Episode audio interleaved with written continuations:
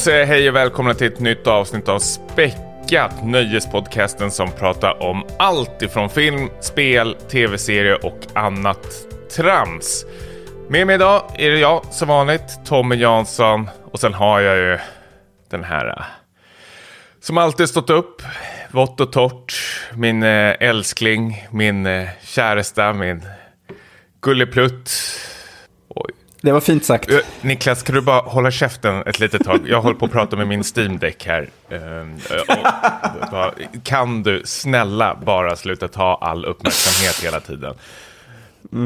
Steam Decken, som sagt. Hur fan vad jag älskar dig. Otroligt. Ja, över till dig nu. Hur mår du då? Du som bara ska prata och avbryta hela tiden. Jag vet att jag snackar för mycket. Jag ska försöka lägga band på mig. Men det går inte, för jag är på så otroligt gott humör. Eh, Förlåt, men jag, vet, jag tror jag vet vad du är inne på snart. Men, men jag måste ändå Ja. säga att det är en lyssnarfavorit att eh, när jag liksom sågar av dig från knäskålarna. Alltså ly- lyssnarna liksom, jag, de har ju sagt på gatan och allting, det, så det, det viskas och tasslas att ja, det är så skönt när du trycker dit han, den där översittaren. Nik- Niklas, Qatar-Niklas, QN. Ja, Nej, men det, det brukar ju vara så att jag liksom skjuts ner i början av avsnittet och sen sakteligen bygga mig upp igen. Eh, och kanske få din respekt på Det slutet. typ, så- låter som en Paolo Roberto-karriär. Jag vill inte förknippas med den mannen. Uh, förlåt, jag, jag avbröt dig i alla fall. Du var på otroligt gott humör. Det här vill jag höra. Jag, jag gillar när du är på gott humör för det betyder att du, du ska basha på någonting. jag ska sparka Ja. på något. Ehm, nej, men jag... jag, ja, men jag gjorde sån här, du vet, när man hoppar upp från gatan och slår båda klackarna i varandra. typ lite så här Charlie Chaplin-aktigt. Ja, apropå något som återkommer sen. Freeze frame också Men- att du stannar i luften. Precis. Men det var ju då för att eh, jag nåddes av betygen till Ant-Man and the Wasp, Quantumania, den senaste Marvel-filmen. Den första Marvel-filmen i Phase 5. Ja, Det är väl eh, hyllningar bara, eller? Det är det inte. Det, det här är väl den filmen som har sämst snittbetyg av alla 30 Marvel-filmer. Oj, värre än eh, Eternals. Nej, det är de två. Just det, Ja. det har du rätt i. Uh, Eternals. Ja, men det, det här, det, det liksom går ju, börjar ju gå lite utför, ser det ut som i alla fall betygsmässigt. Och eh, eventuellt så kanske folk börjar tröttna eh, och bli mätta på det här, men det, det vet jag i och för sig inte. Men jag kan bara tala för egen del att jag såg ju hela mediokra Phase 4 och kände väl att typ, är det värt att sitta och titta på allt det här? Jag har ju slutat titta på tv-serierna, eller det började jag väl aldrig riktigt, för att det, det går inte. Men jag blir ju irriterad i, ja, men till exempel Black Panther senaste, som är typ tre timmar lång. Eh, Va? Ja, ja. Det är helt sinnessjukt. Mm. 2.45 då kanske, så jag inte tar i för mycket. Men då, fi- det finns en irriterande sidekick-karaktär. Det är redan för mycket karaktärer med i den där filmen. Och så är det en karaktär som man känner så här, det här passar liksom inte riktigt in. Det här känns eh, skohornat. Och det är ju såklart en karaktär som ska få sin egen tv-serie sen. Som nu ska etableras och introduceras. Det, det håller ju på att kollapsa hela det här eh, bygget, känner jag. Och nu är det kanske dags, för mig i alla fall, känner jag, att eh, hoppa av det här eh, Marvel-tåget och lägga tiden på annat. Samtidigt, så när man har sett de här eh, Ant-Man-betygen, så blir man ju nyfiken, för man, ibland vill man ju bara se en tågkrasch. också. Hur känner Vad- du för det här? Du har väl hoppat av för länge sedan? Ja, jag har inte sett någon... Va, va, på, påminn mig gärna vad Phase 4 innebär. Alltså vad, vilken var den första filmen? För jag tror jag hoppade av där vid Avengers, alltså sista Avengers-filmen som ändå på något sätt ändå knöt ihop säcken måste man väl säga ändå. Ehm, och sen tog jag avstånd alla de här uh, utannonseringarna kom för Phase 4. Att det var väldigt så här, uh, det, det, det kändes som så här, dåliga sidequest i uh, tv-spel. Uh, mycket. D- Den som jag är ändå mest intresserad av det är den här uh, med många asiater med uh, i, jag vet inte vad den heter, Ching... Shang-Chi. Ja, Chang-Chi. Eh, bara för eh, koreografin, eh, som jag gillar gammal Hongkong-action. Ja. Eh, ja, men det började ju med Black Widow, var väl den första då. Eh, Mm. Och den var ingen bra. Men sen, den enda som varit helt okej har väl varit eh, Spider-Man No Way Home. Det har ju präglats av att det är... Eh, ja, men Multiverse är ju det som, tror jag den heter, eh, Phase 4. Mm. De har den här Doctor Strange 2 när han ska hoppa mellan dimensioner och Spider-Man då såklart med flera olika Spider-Man. Men jag känner att det är... Nu har ju typ... Det, det känns roligt att han, eh, skådisen Jonathan Mayers som spelar Kang, alltså skurken i eh, nya Ant-Man, han säger det, han har inte sett filmen. Eh, och det är väl vanligare än man tror, eh, tänker jag, att skådisarna inte ser filmerna som de medverkar i, för de, de är väl kanske ointresserade eller någonting. Men jag tror hans eh, ursäkt var att det, det kan begränsa hans eh, eh prestation som Kang i framtida filmer. Han vill inte se. Men jag tycker det låter som bara bullshit, Ja. bortförklaring så att han ska slippa svara på frågor om varför filmen är ett sånt ett sånt jävla haveri. haveri. Eh, här var det, Guardian of Galaxy måste väl ändå säga att det är väl det som ser mest uh, intressantast ut för min del. Ehm, Blade vet jag, ja, varför inte? Eh, det är väl inte Wesley Snipes som ska återvända, antar. Nej. Har haft mycket problem tydligen med att manuset inte håller och de har fått skjuta upp allting. Eh, vilket han Steven Dorff som var med i första Blade har varit skadeglad åt, såg jag. Så det är inte bara vi som sitter och gottar på avstånd. Eh, Vi och Steven Dorff. Eh, Nej, men, alltså, jag är ju inte dugg insatt i det här uh, universumet, men bara jag tittar så här, Ironheart, The Marvels, Echo, Secret Invasion, Agatha Christie tänkte jag säga, men något som heter Agatha. Nej, men, och, och Loki säsong två. Du gillar ju förstås säsong ett av Loki. Jo, men jag är inte alls sugen på att fortsätta titta. Nej, okej. ja. Men jag vet ju att vi har flera lyssnare som gillar Marvel. Har vi? Ja, men det tror jag nog. Okej. Eh, men, Känns som vi har de, bort allihop. Ja, det, de har stängt av nu för länge sedan. De får jävla pissig attityd. Jag får ju gärna mothugg i, i någon form av Discord-chatt. Eh, om det är någon som inte alls håller med. Men jag tycker mig ändå märka av att det börjar knorras lite. Även av folk jag känner som har följt det här slaviskt. Börjar tänka att nu, nu räcker det. Det här eh, det har gått ut för. Även den där seniorpodden du brukar vara med i ibland. Det är i den jag menar.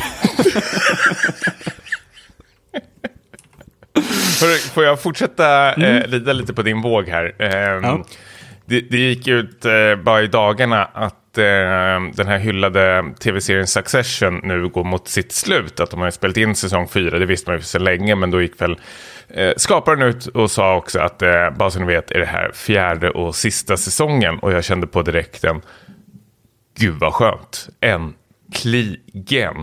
Eh, absolut ingen eh, dålig serie. Däremot tycker jag den är väl eh, smått överskattad och kanske har um, eh, bäddat in sig i ett för stort problem som den inte tar hand om redan från säsong ett. Eh, om, kom du ihåg hur säsong ett slutade med Jeremy Strongs karaktär? Eh, han blir Ja. involverad i ett mord, typ, Ja. om man säger så.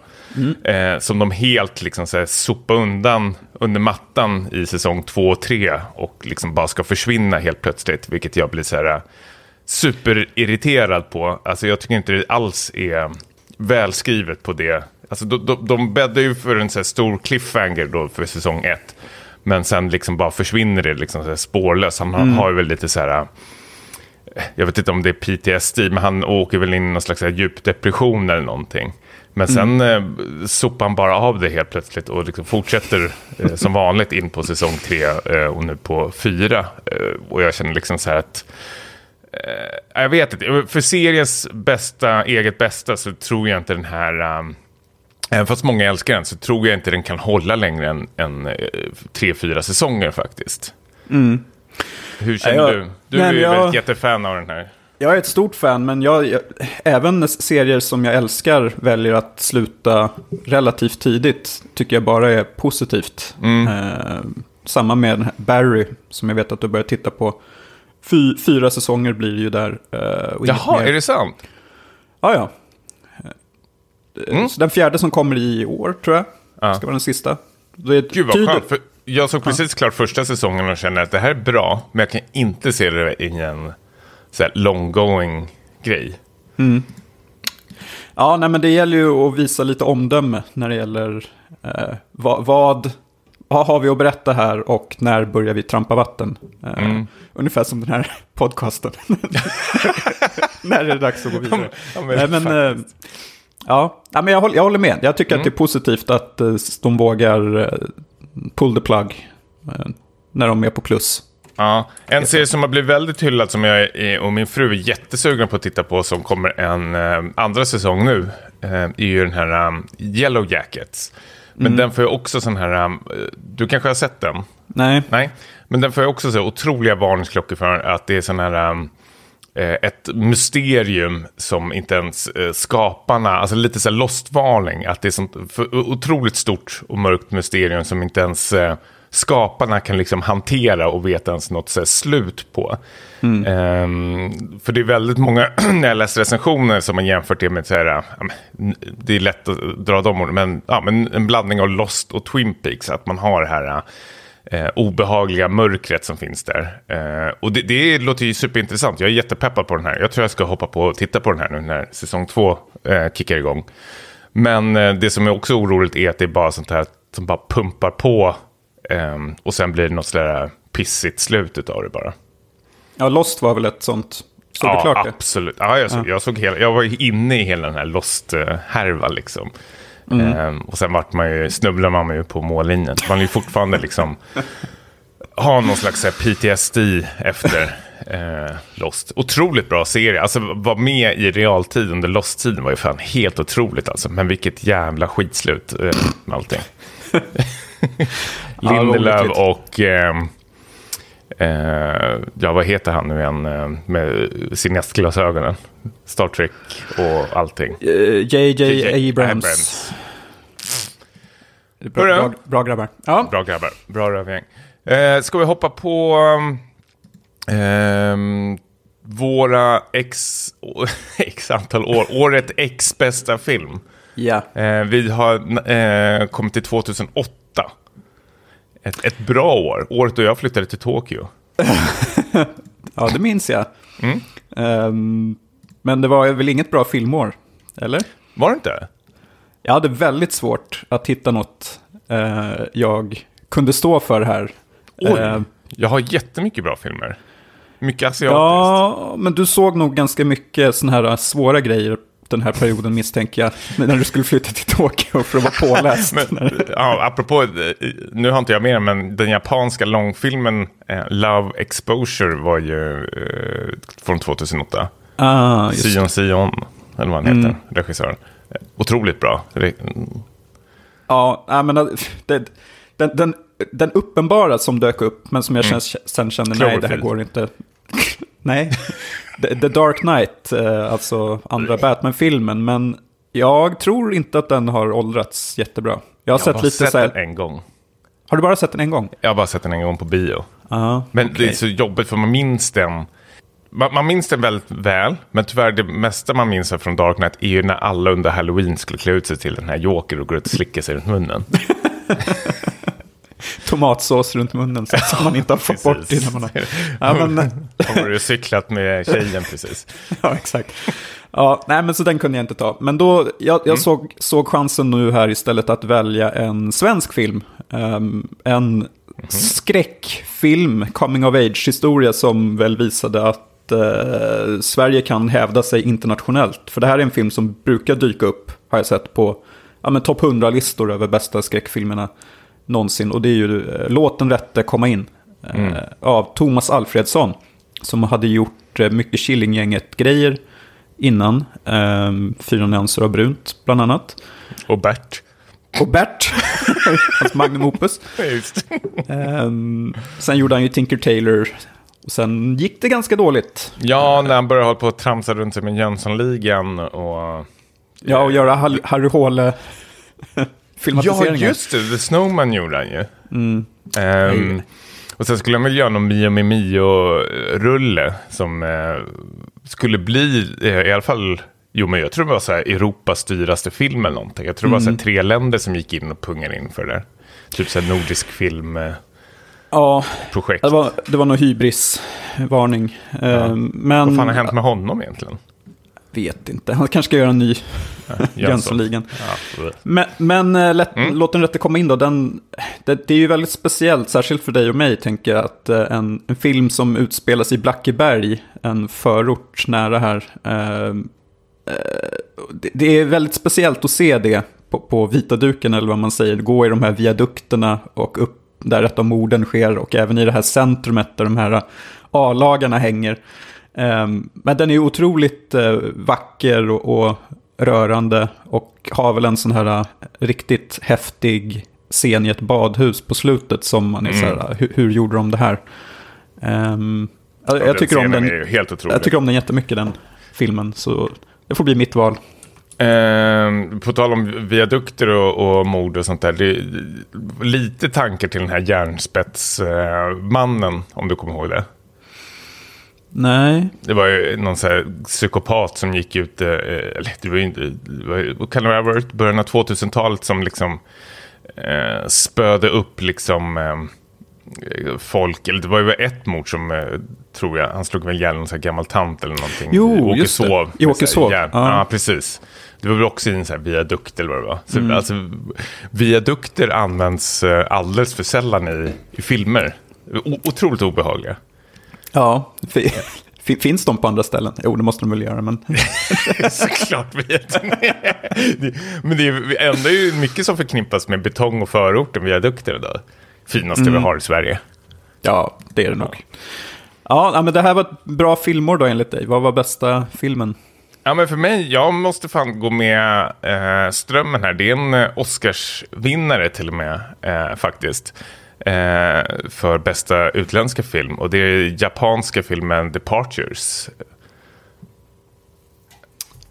Ringer inga klockor. Vad är det här för något? Ja, men det, va? Är det sant? Vad heter den på svenska? Ja, men, åh, vad? fan kan den heta på svenska? Den heter, ja, men, eh, Farväl kanske. Vad fan är Departures på? eh, Är det han som sitter med en cello? Ja, det är han som sitter med sig. Redan nu irriterad och har tråkig ton på rösten.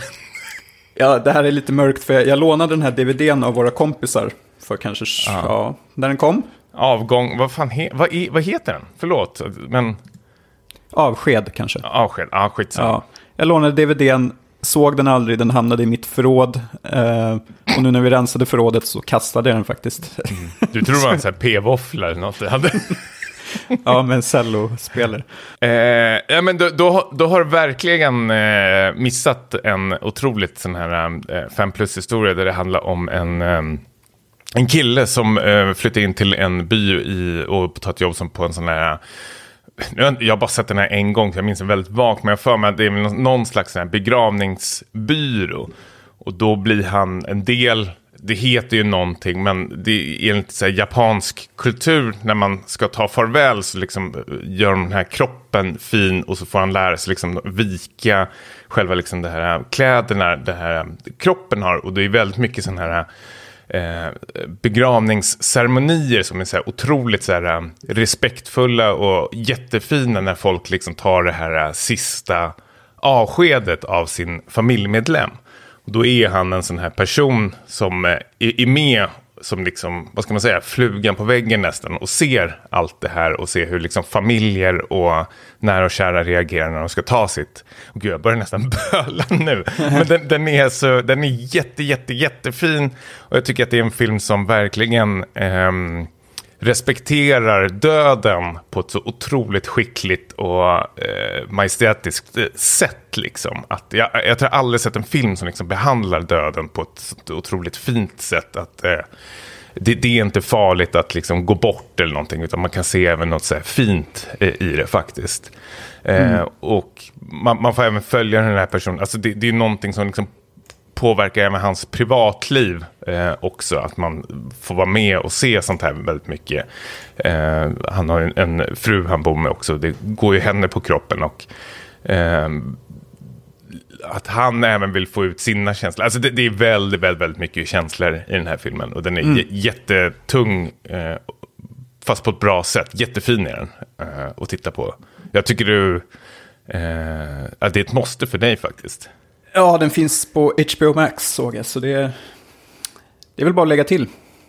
Gud, din jävla watchlist är ju så jävla... Den bara växer och växer. Ja, det, ja men det, det, i slutändan blir det en jävla Jönssonligan-film i alla fall. Något som är lätt. Något lätt. Istället för döden. Mm, respektera Eh, döden. Något. Nu ska vi nej. se hur liksom Harry spränger upp löser den det här. här. ja, precis. spränger upp eh, Doris kystesbälte. Uh. Hörru, ska vi surra lite spel då? Ja? Yes. Eh, jag vill bara snabb eh, nyhet, nyhet, men det har varit en em, State of Play eh, nu i dagarna. Eh, som jag nästan kan satsa min högerkula på att du långt ifrån tog eh, del av. Jag har inte sett den. Nej, bra. Nej, men du, du, du missade inget. Eh, jag såg den, eh, inte live, utan jag såg den typ en timme efter. För att då hade jag spolknappen eh, redo. Och som det spolades. det var, det var en, en, ett, liksom, vad, kan, vad heter det? Ett event på en timme som gick över på tio minuter kanske för mig. Ehm, det, känner du till det här Simpson-avsnittet när Homer, eller när Bart är på um, Camp Krusty och de har tagit över det och så sitter Homer och gör yoga med Marge och så säger han typ Don't be the boy, don't be the boy, don't be the boy. Ja, ja. så var det för mig när det här drog igång och jag tänkte så här, inget VR, inget VR, inget VR. och så kommer den här eh, typ Imagine Dragons, alltså alltid samma typ av musik. Rapapapapapapam! You're going to back! Ja, det är så jävla dåligt. Allt- De, de använder samma jävla skit. Vet du vad jag menar? Det är alltid de här, Ja, ja. vad är det, R&B trummor med... Jag vet inte, det det är inte ens hiphop. Vad fan är det för någonting? Alltså, Baz Luhrmann, spoken bird. Drum and ba- bass-aktigt. Jag vet inte. Jag bottnar inte i de här genrerna. Ratatatatata. Nej, det är så jävla dåligt. Och de har använt det fan i 20 år nu känns det som. De måste kunna hitta Förnya något nytt där. va? Ja, nej, men då kommer ju VR fram. Eh, Playstation VR 2 har ju släppts nu i dagarna, kostar typ över 7000 spänn, vilket är helt jävla galet för det första. Det är väl fan ingen vettig människa. Förlåt, men jag vet att Anton på Gotipodden köpte det här dag ett dirre. Det, är- det, det, det får man väl unna gillar sig. man ändå. Jag tycker att det är kul när andra offrar sig för, för oss andra. Liksom. Ja, men då, och då får man väl lyssna på Gotipodden, eh, tror jag, för där kommer väl en eh, recension. Men för det första måste jag fråga dig ändå, kommer du köpa det här? Korta svaret är väl nej. Nej. Eh, om, jag, om jag ska utveckla det lite så... ehm, du får rätta mig om jag har fel här, men visst är det fortfarande en massa sladdar och skit som, som ska kopplas in här? ja, fast det är, den är väl inte lika stökig som eh, första konsolen, Nej. där det var typ så här 40 sladdar känns som. Jag tror, här också, jag, jag, är, jag är så ointresserad av VR, eh, så jag har inte liksom gottat mig in i det här. Men jag tror det bara är en USB-C-sladd som ska in i konsolen där fram.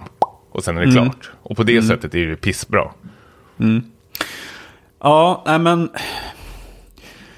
Vet inte, jag tycker fortfarande VR känns som något som är kul att testa när jag är och hälsar på hos någon annan. Vi har ju en Kör i- kompis som är VR-tokig som vi brukar Mm, jag oss. tror jag vet om det är. Men, Ja. men det är liksom... Man, man orkar ju inte så långa spelsessioner känns det som. Det är så mycket intryck, man blir trött. Um, Okej, jag, är- jag är lite sugen på att spela Gran Turismo 7 i, i VR. Det skulle vara kul. Nu har jag typ slutat spela det så det är kanske lite för sent. Det tåget har gått. Men nej, jag vet inte. Det, det är fortfarande någonting som inte gör mig supersugen. Ehm, jag tror att min komp eller vår gemensamma kompis frågade om jag ville ha hans Steam, eller O- Oculus hette det väl. eh, Mm. För att spela Half-Life Alyx. Men jag, jag sa typ nej, jag vet inte om jag har plats för det eller någonting sånt. Nej, men det, det tar ju mycket energi och kraft. Liksom. För spel för mig är ju att man tar en kontroll och sen eh, lägger sig i soffan och börjar liksom, ja, men, man, man liksom rattar igång på direkten. VR, jag gillar tanken med VR, men det är för bökigt för mig, särskilt med glasögon också, tycker jag är så här, jättejobbigt. Jag får ju redan liksom eh, panik redan innan om man säger ska man, ska man ha glasögon på sig eller inte. Liksom. Mm. Då finns det vissa VR-headset som liksom går att anpassa det, att du gör som en optiker, att du kan liksom kalibrera det där. Men det känns fortfarande väldigt så här, eh, efter 15 minuter då är jag rätt så åksjuk utav mig och måste lägga mig ner och vila lite. Eh, Jag vet, vi börjar bli riktigt jävla gamla och gaggiga du och jag känns det som. Alltså, det här är, ja, men, man, man, när du och jag var små så brukar man väl prata väldigt mycket om när, när föräldrarna inte hängde med liksom, i musik. Eh, Alltså MTV-generationen tog över och föräldrarna bara så här, "Ugh, Creedence Clearwater Revival, det är det som gäller. Du och jag är ju liksom, när VR kom, ja, då, då, det, det, där vart ju vi liksom stämplade att nu ska vi in på pensionatet. Precis. Myggas av. Farfar, nu räcker det. Ja. Nej, men det, det, det som jag väl liksom eh, hickade till lite var väl att 90% av alla VR-spelen var att du hade en pistol i handen och så var det lite så här, alltså nu pratar jag om den här State of Play-grejen, var väldigt mycket så här duck and cover tjohejsen, att du skjuter lite, duckar och så sen ser man de här äh, dockarmarna framför som håller på att sladdra runt och sånt där. Och jag, jag, alltså, vi ska inte pissa helt på VR. Nej. Alltså, jag gillar ju ändå att tekniken finns där och det är någonting som uppmuntrar ehm, alltså att tekniken ska gå framåt. För jag, om det väl, när det väl funkar, då tror jag det är svinkul. Men för mig är det fortfarande inte där. För det första vill jag ha det trådlöst. Ja, ja men det vill jag också ha. Det, det känns som en, skulle vara en game changer om det kom.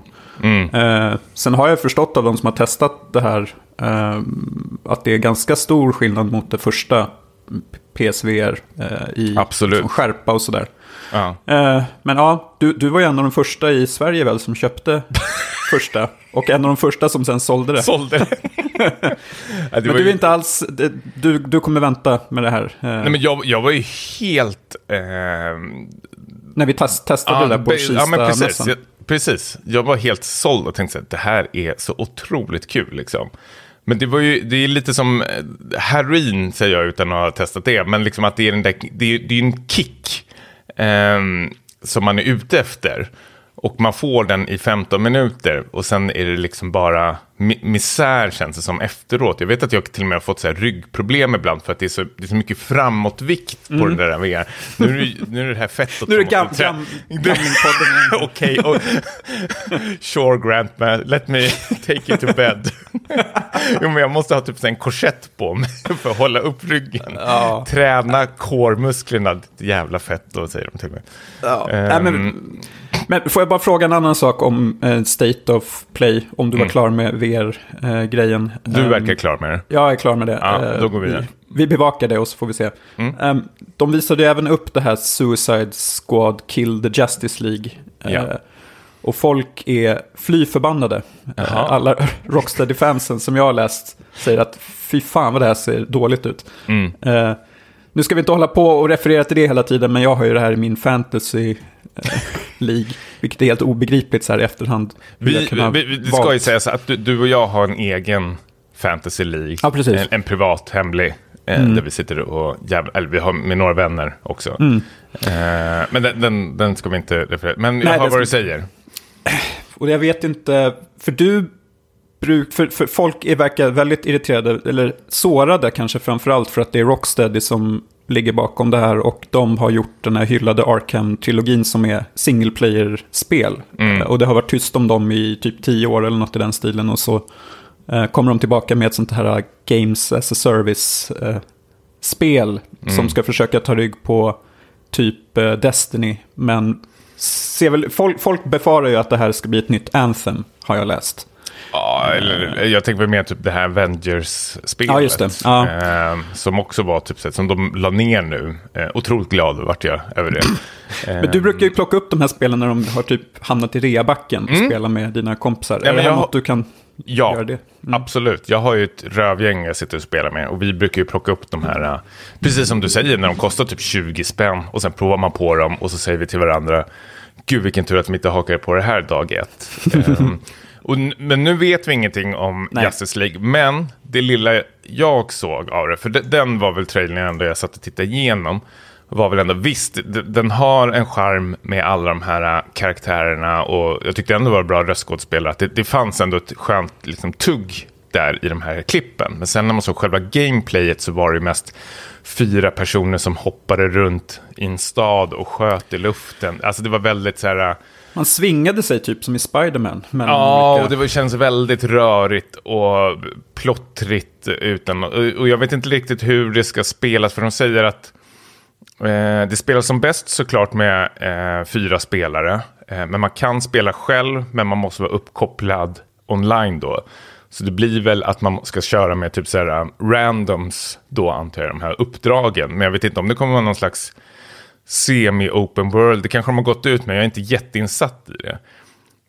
Jag tror det här spelet kommer vara eh, en katastrof när det kommer ut, tyvärr faktiskt. Men jag är rätt så sugen på att sitta och spela det för ett, liksom ett rabatterat eh, pris. Och de får jättegärna rätta mig, eller hoppas att... Eh, jag hoppas att jag har fel. Jag hoppas att det blir ett eh, helt otroligt liksom, fyra player co-op-spel. Men just Ja. nu, liksom, här spontana intryck, så säger jag absolut inte. Hur, hur känner du när du... Nej. Ja, det, det har varit, inte varit aktuellt sen, sen dag ett i princip. Nej, men på din fantasy Då var, då var det mitt första val, jag vet inte. Det finns ingen logik där. Eh, ja, usch. Men- Eh, Ja. Något som har varit eh, aktuellt. jag, jag vill ju gärna köra en uppföljning från förra avsnittet då jag berättade om dels... Eh, eh, vi kan börja med Returnal då. ja, men nu, nu, nu pratar vi spel vi har spelat. Det Ja, här. nu Nu, är det spel äntligen. Lyssnarna äntligen vaknar nu. Vaknar till så här. nu Kom gaggat av sig. Ja, om VR. Sånt, sånt där. Eh, ja, nej men... eh, eh, Returnal då, det här supersvåra eh, Playstation 5 shooterspelet. Uh, det har inte varit en spikrak väg framåt för mig här. Eh, och det ska det väl inte vara heller när det är ett sånt här spel som verkligen pressar en till det yttersta. Eh, jag är kvar på andra biomen, Mm. eh, där jag var förra avsnittet. Jag har kommit till bossen och det var nära att det gick vägen, men gjorde inte det. Och efter det är man ju ganska tom. Nej, det är en och en halv timme som bara down the drain. Ja. Fast man känner ju, som jag också sa förra avsnittet, att man ändå plockat på sig mycket erfarenhet och, och sådär. Ehm, det som har varit lite så här, äh, känts lite uppgivet emellanåt, är, är liksom när, när jag går in för att säga nu jäklar så ska jag eh, ta det här. Mm. Då går det oftast åt helvete av någon anledning. Jag vet inte om jag så här spänner mig eller någonting, eller Mm, typ det måste bli perfekt, den här runnen, eh, för att jag ska klara mig till slutet.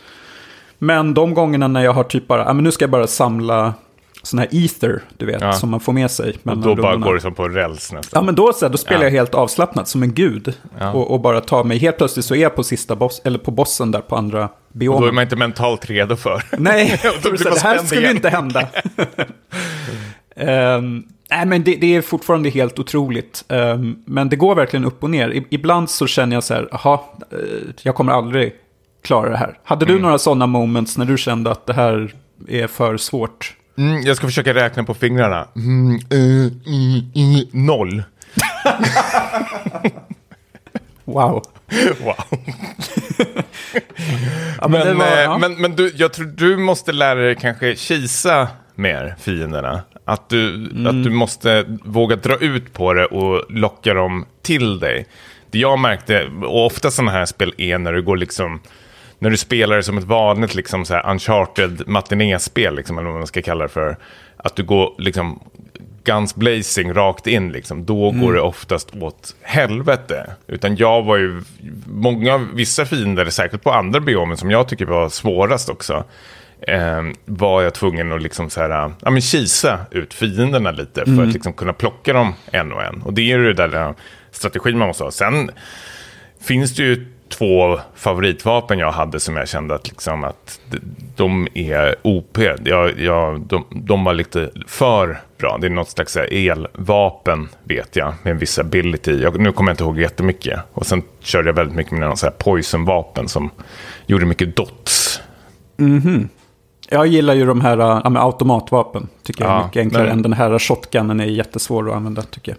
Ja, men precis. Den är ju mer close combat. Men jag tycker du ska kolla upp, kanske byta vapen då. Alltså automatvapnen är bra, men de är väl lite mer i lite uppvärmningsvapen, tycker jag ändå. Eh, jag tycker du ska kolla upp det här elvapnet. Nu kommer jag inte ihåg vad det hette. Känner du igen det? Nej. Det är någonting som, jag för mig att det bara så här skjuter ut el åt alla håll och kanter liksom bara dödar allting som kommer förbi det. Och jag tror du måste kanske köra lite mer variation på vapnen för att uppgradera abilitiesarna. För då blir Mm. det faktiskt lättare. Och max HP, det är fan A och O. Ja, jag vet. Det, jag, jag har ju kollat på lite sådana här uh, How to survive in returnal Ja, videos. jättebra. eh, och ehm, må, många pratar ju om det här. eh, dels att det är jätteviktigt att bygga upp um, livsmätaren. Men också att typ man kan tydligen vara smart ju att inte öppna alla kistor på en gång. Utan man ska vänta tills man har byggt upp sin proficiency, med vapen. Så att du, när du väl sen plockar upp de här kistorna så får du jättebra vapen. Inte de här 1 level eller 0 level vapnen. Mm. Eh, men sånt tar ju lite tid också att hålla på att bygga upp sig i den första biomen innan man ger sig iväg till andra. Så jag vet inte om jag har just det tålamodet. För då är det de här kvällarna där man sitter att man bygger upp sig en, en, en timme typ. Och sen så träffar man någon sån här uh, supersvår fiende. Och så är Dör. allt borta. Och så är helgen förstör. Ja, Ännu ett hål i väggen. och det är då jag sätter på ett annat spel. Porn simulator we are, nu kör vi! Nästan. Vi, vi hoppar vidare till Thief Simulator som jag också vill följa upp på.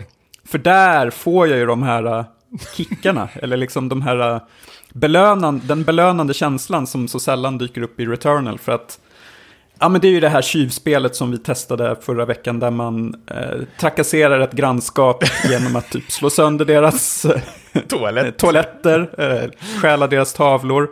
Eh, medan man gör uppdrag då åt den här maffia, maffiabossen, eller maffiagubben. Får jag, får jag göra en eh, inhoppare snabbt innan du eh, fortsätter? För jag vill verkligen höra mer om det här. Det roliga var förra avsnittet att vi pratade om det här som typ så här, ja men det här är lite så här LOL-spel. Ironiskt. spelat Ja men vi hade spelat, ja men precis, verkligen så här ironiskt, en och en halv timme. Eh, kan plocka upp det någon gång i framtiden.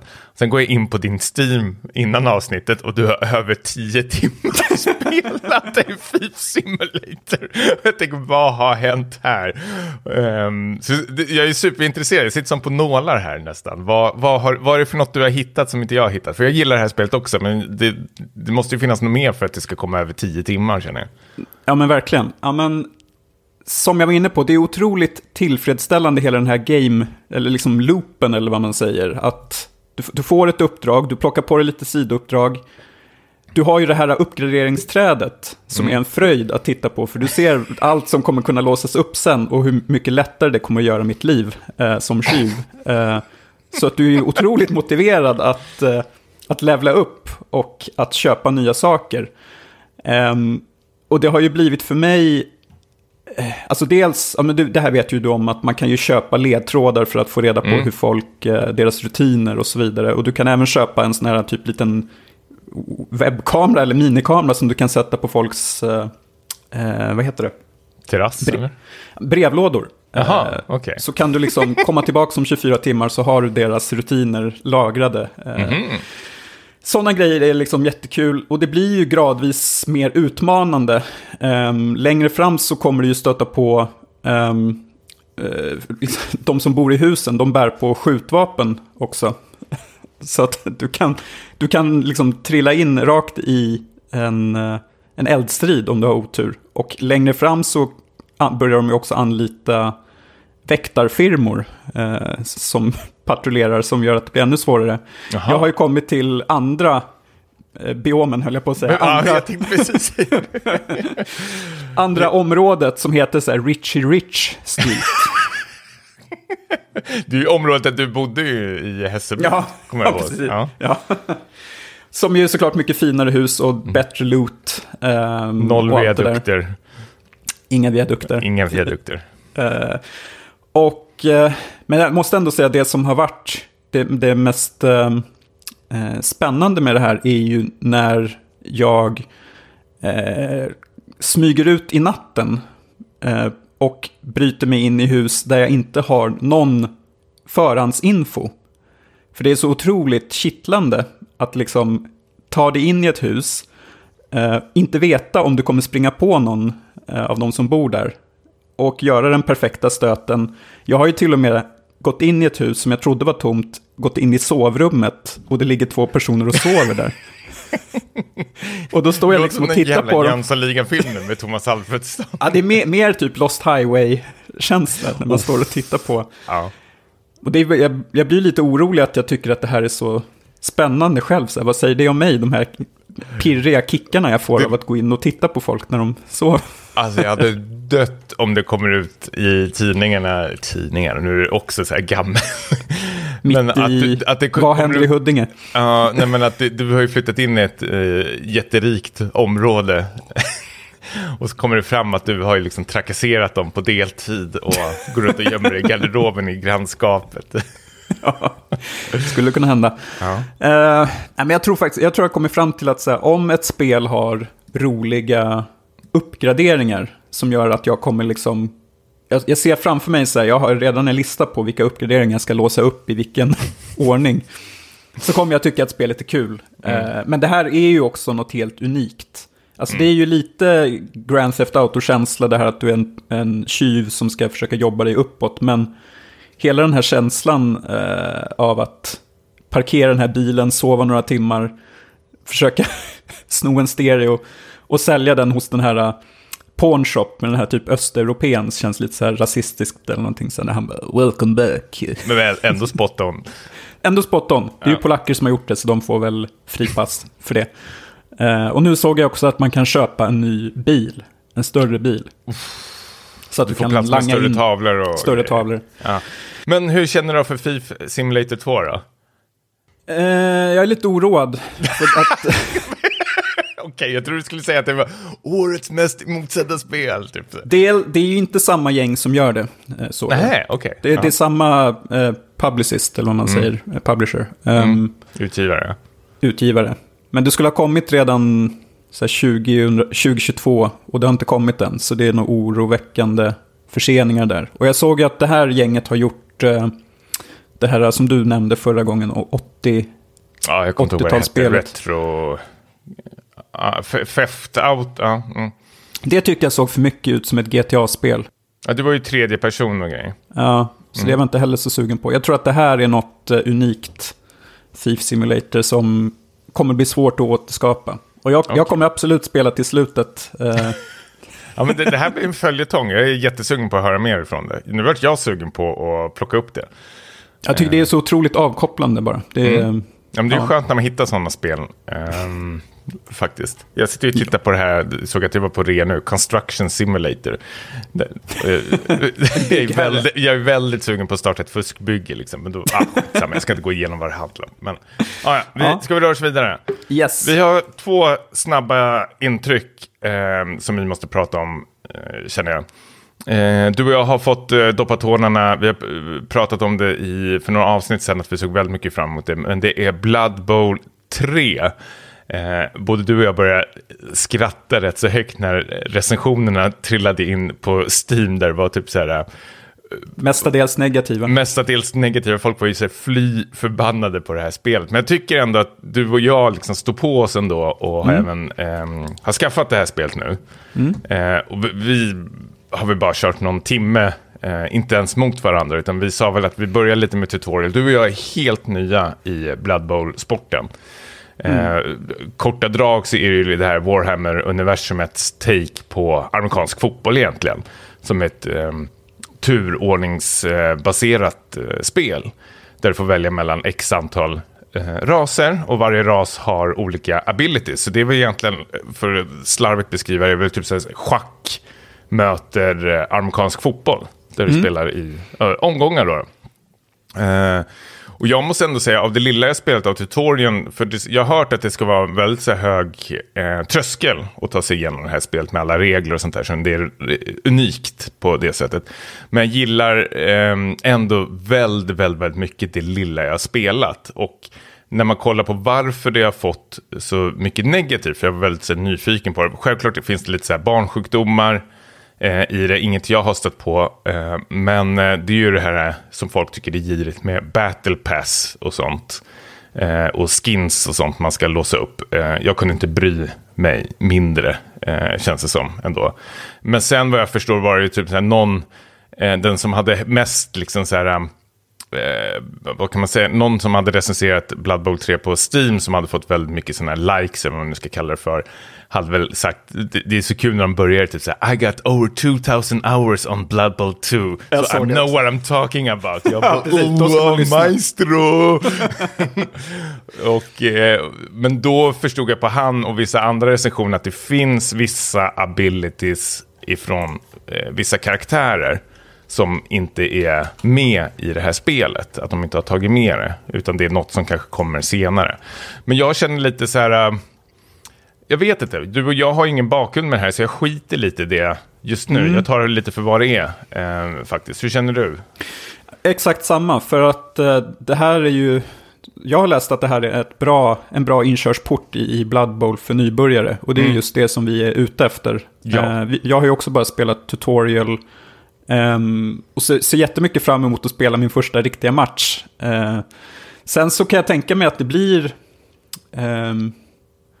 vad ska man säga? Alltså om, om det, jag har inte heller stött på några buggar, men om det dyker upp sen i avgörande ögonblick så kommer man bli förbannad förstås. Absolut. Eh, men jag läste också någon så här, eh, för, för, för vissa verkar typ de här, de som har spelat Blood Bowl 2 i 2000 timmar, de vill ju typ fortsätta göra det känns det som. De vill Mm. inte börja om i Blood Bowl 3 och det känns som att de här spelutvecklarna har fått försvara sig lite i varför de gör trean. Eh, om det fyller ett syfte överhuvudtaget.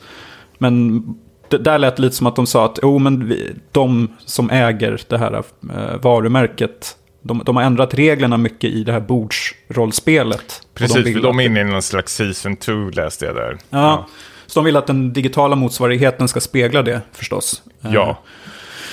Och sen, jag bryr mig inte heller om det här med battle pass. Jag, Nej, det jag rör mig inte i ryggen faktiskt. Nej, men nu är man så pass van vid det hela tiden. Och det är så lätta poäng nu att säga att eh, spelutvecklare är eh, giriga. Eh, jag tror att de som utvecklar spelet i grund och botten inte vill ha Battle Pass med.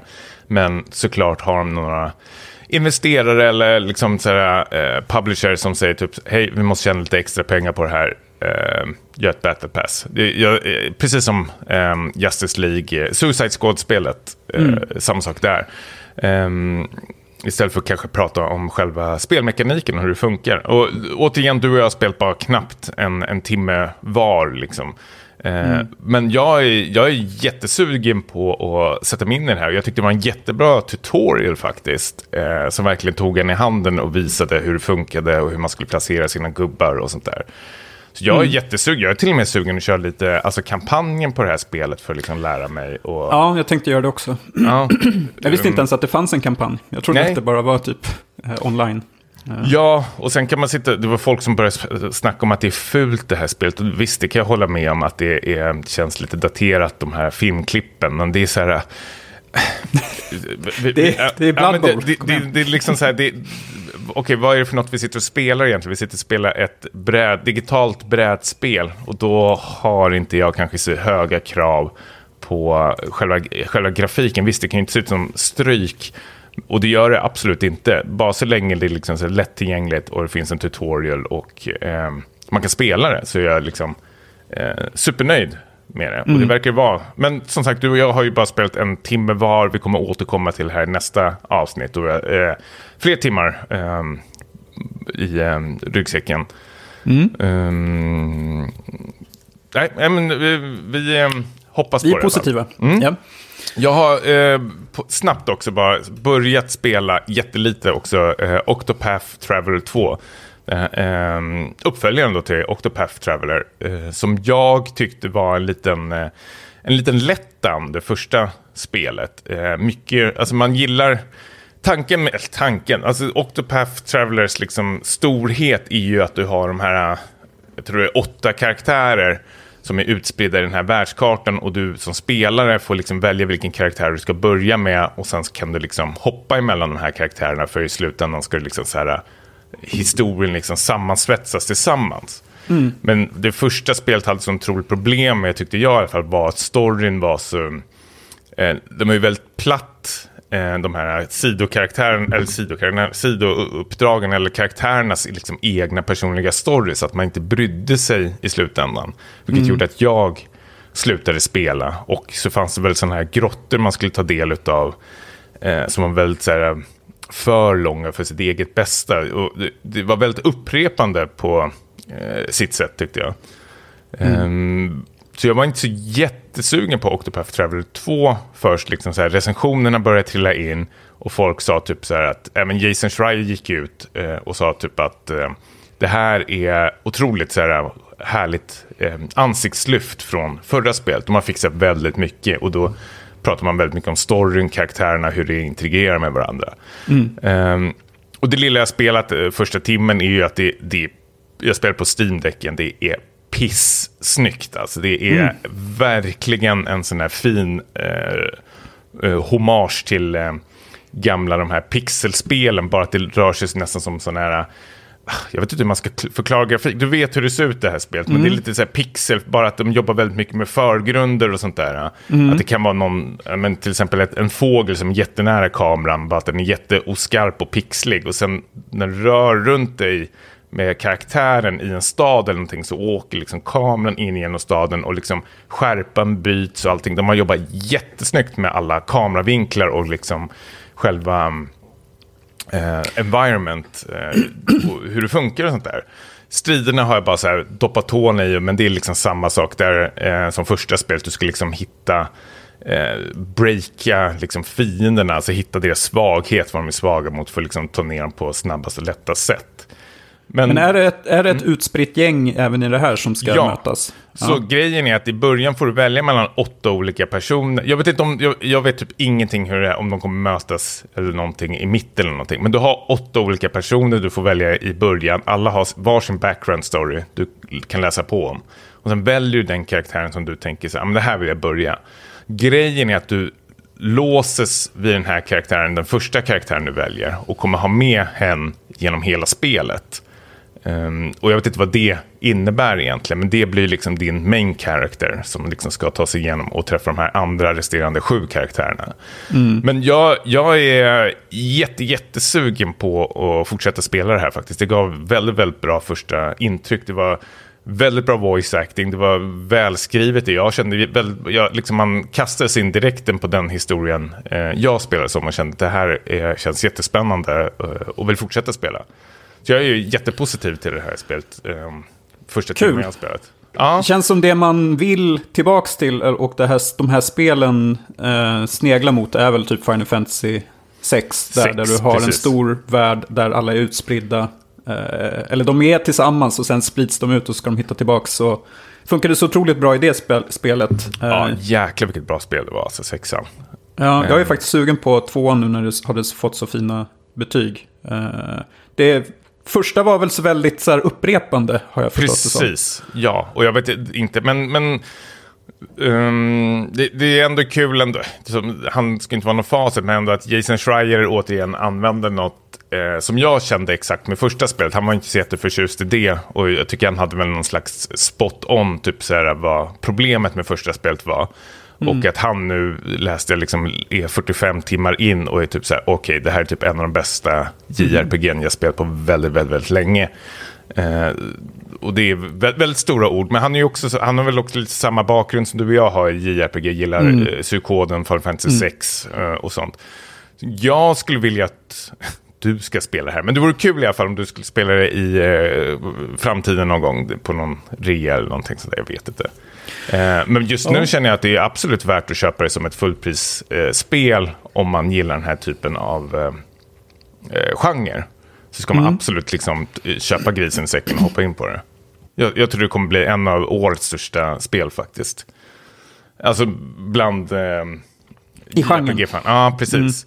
Mm. Nej, men det, blir kul. det blir kul om Octopath Traveler kanske blir den nya Final Fantasy-sagan tror jag. Att det blir en helt ny JRPG eh, som Final Fantasy en gång var. Precis, för det är fristående delar. Ja, eh, det är det. Det här, ska ja. vara, det här är helt fristående från första delen. Mm. Eh, och som sagt, jag spelar på Steam-däcken och det fungerar perfekt till den. Bara flyter på som bara eh, den. Och det som är skönt med Steam-däcken är också att jag har en sån här docking station. Jag kan bara koppla in den till tvn, bara sätta den på tvn på direkten. Och sen kan den även synkas upp till min eh, dator också om jag skulle vilja sitta framför och spela datorn också. Ah, gud vad jag älskar den här Steam-däcken. Alltså, den är så jäkla bra. Det här, är, det här är ett måste Niklas för dig. nästan. Ja, det är fan, det låter som det. Ja, i alla fall till din Steam Deck. Så Sitta och mysspela och liksom levla upp och sånt där. Ehm, Ja, jag är Ja. supersugen. Kul. ehm, jag har satt händerna i senaste Yakuza-spelet. Just det. Är det något du vill höra om? Absolut. Det är, eh, ja, eh, alltså Like a Dragon eh, Ishin då som jag har spelat. Ett eh, gammalt Yakuza-spel som släpptes enbart i Japan mellan typ Yakuza 2 och 3. Det här släpptes väl typ så 2008. Jag tror det var ett spel som både släpptes till så Playstation 3 och 4. Typ ett sånt där mellanspel som kom i mitten. Ehm, det är ju liksom en spin-off-serie här som utspelar sig liksom i ehm, ja, men gamla Japan på, liksom, ah, oh, ne, vågar absolut inte eh, svänga med någon tidsperiod här eller någonting. Men det är typ när eh, ja, men västländska imperialisten liksom kom till eh, Japan och gjorde sitt liksom, avtryck där. Alltså allt ifrån att man började ta in krut och, och sånt och Japan delades upp i liksom eh, Eh, olika, ja, vad kan man säga, liksom hus, eh, liksom um, och då spelar du som den här uh, huvudkaraktären. Um, som uh, är del av ett, uh, vad ska man säga, ett stort liksom, familjedrama som händer. Alltså det är en hämndhistoria i korta drag där ens pappa blir mördad av en, en mystisk karaktär och då ska man liksom, eh, som den här huvudkaraktären då, infiltrera ett, eh, vad kan man säga, ett, ett, ett hus då egentligen, en, en grupp människor då, eh, som man tror eh, där den här mördaren finns i. Så det är ju liksom i klassisk liksom, ehm, eh, Like a Dragon Yakuza så är det liksom en, en såpopera utan dess like. Det är väldigt mycket filmsekvenser, det är väldigt mycket karaktärer som ska prata med varandra. Eh, och det, är- det är liksom helt underbart på eh, det sättet att liksom, det, det, det, de här spelen är så otroligt välskrivna och det är liksom ett, eh, en såpa egentligen. Och de gör det väldigt, väldigt bra. Med det sagt, det här ska ju sägas också att det här är ett spel som enbart släpptes, det sa jag innan, men det enbart släpptes i Japan, men det har fått en sån här remake nu. Men det känns som ett spel verkligen från så här Playstation 3-tiden på ett dåligt sätt, tyvärr. Oj då. Ja, ja, alltså för det första, alltså miljön och sånt där, det här gamla federala Japan, är för mig inte så här superintressant faktiskt. Du sitter här nu och skakar också på Ja, huvudet. men, eh, får jag bryta in bara Ja, lite ja, snabbt? men gör det. För jag kan ju säga lite vad jag tyck, tycker om den här serien. För ehm, ehm, det som jag har gillat med det jag har spelat är ju just det här moderna Tokyo till exempel. Ja. Eller vilken stad den Mm. utspelar sig i. De här neonljusen och alla de här roliga minispelen. Hostess clubs. Mm, absolut. Eh, och lite sånt. Eh, Så när jag såg att det här var ja, men ett, eh, ett gam, en gammal epok så tappade jag det intresset lite grann. Eh, Jag, jag har ju tittat på lite videos och sett att, apropå det här med eh, eh, krut och sånt, man har väl en pistol i det här spelet, vilket tror inte man har i de andra, eller? Nej men precis, alltså de tidigare spel, alltså bara för att förklara snabbt, alltså de tidigare spelen Yakuza 1 till 6 så är det ett så här beat up brawler spel egentligen. Där du väljer mellan olika attacker hur du ska spela som, men du ska puckla på dina motståndare egentligen och så går du upp i level.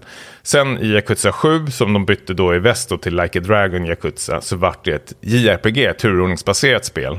Vilket de gjorde sig helt otroligt. Det är en av de bästa JRPG jag har eh, spelat. Det var verkligen så ett upplyft för den genren. Ehm, men då har de ju gått tillbaka till det här nu, precis alltså, som de gamla Yakuza-spelen.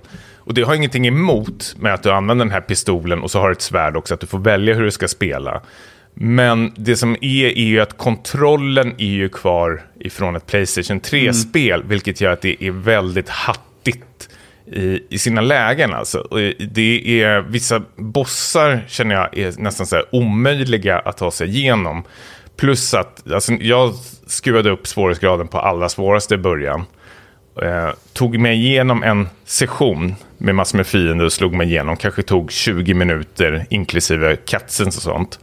Kom till bossen, dog. Spelet säger want to retry och jag säger absolut. Kastas tillbaka längst bak till det här. Jag fick inte börja från bossen på direkten utan jag skulle börja ifrån liksom, början, början på den här sessionen och var tvungen att springa igenom allt igen. Alltså bara sådana saker har de liksom inte fixat i, i det här spelet, vilket gör mig så otroligt irriterad. Du vet så här, you want to try from your last save? Mm. Och det är så här, nej, jag vill hoppa in från min senaste checkpoint, vilket jag hoppas att ni har. De bara, nej, det har ni inte. Um, väl, välkommen till Returnal. ja, men, ja, men det här ska ju vara ett, liksom ett semi... Alltså det Yakuza-spelen mm. ska vara är att det, det, ska vara ett semi-open world. Alltså de, de, de är ju så små, eh, de här um, städerna med i, men ändå samtidigt så stora. Det är inte som GTA, att du liksom ska sätta en bil och åka iväg, utan du rör ju på fot hela tiden. Mm. Men grejen är att när du har det här gamla Japan så finns det inte så jättemycket intressanta saker att göra. Du har liksom karaoke, absolut, fast det är mer en sån här enka variant. Ehm, du har någon slags minispel där du ska slå sönder kanonkulor. Men jag tycker inte, alltså jag, jag är precis som dig. Jag vill ha Tokyo, jag vill hänga i Shinjuku. Jag vill gå på de här hostess-klubbarna, jag vill gå på karaokebarerna, jag vill liksom gå på Isakaya. Mm. Jag är ju störtkär i det här neon-Japan. Um, jag tror i, eller tror, i Like a Dragon Um, Yakuza, alltså Yakuza 7 då, så hänger liksom Yokohama som är en av mina favoritstadsdelar som jag hängde väldigt mycket när jag bodde där. Mm. Och det är liksom så mycket som känns igen när man spelar de spelen, att just det, det här är här och allting. Det är otroligt välgjort. Men här är det liksom bara liksom sandiga gator med trähyddor eh, runt omkring. Um, varje Yakuza-spel har ju sådana här små minigames där man kan tjäna extra pengar på. Men här är liksom att du har liksom ett litet, en liten bostad, du kan odla ditt, dina grönsaker um, och sen ska du liksom laga maten och då blir det ett minigame att du ska trycka kryss. Det ring. låter kul i och för sig. Ja, men det är kul en gång, men sen ska du sitta och göra det här 10 000 gånger för att du måste tjäna in pengar. För pengar är Aha. så otroligt viktigt i det här för att du ska köpa liksom, HP och allting. Du måste gå till affären och handla saker. Mm. Alltså det, man måste tänka, det här spelet släpptes 2008. Och de har stått fast med hur det var 2008. Det enda de har liksom uppdaterat är grafiken. Um, och jag känner att det räcker inte för mig, utan jag vill ha liksom en, en helt remastered, att de skulle liksom hotta till det här rejält. Eh, det, skulle behövts exempel, en, uh. det skulle behövts en typ eh, Resident Evil 2 remake. Eh. Ja, verkligen. Alltså ett ja. jättetydligt exempel är att om du går fram till en kruka till exempel, eh, för om man ska leta efter ett item där i, så trycker på kryss, skärmen går till svart, det kommer text fram, det är klipp till personen som står framför krukan, han säger Is there something in here? Böjer sig ner, tar upp någonting, går i svart och så kommer upp en sån här text där så you found a bla bla bla bla bla bla. Men du, du känner igen det här att nu, om du hittar något på marken så ska karaktären liksom stanna upp, den står rakt upp och sen ska liksom vända sig sakta mot och sen liksom böja sig ner och plocka upp det.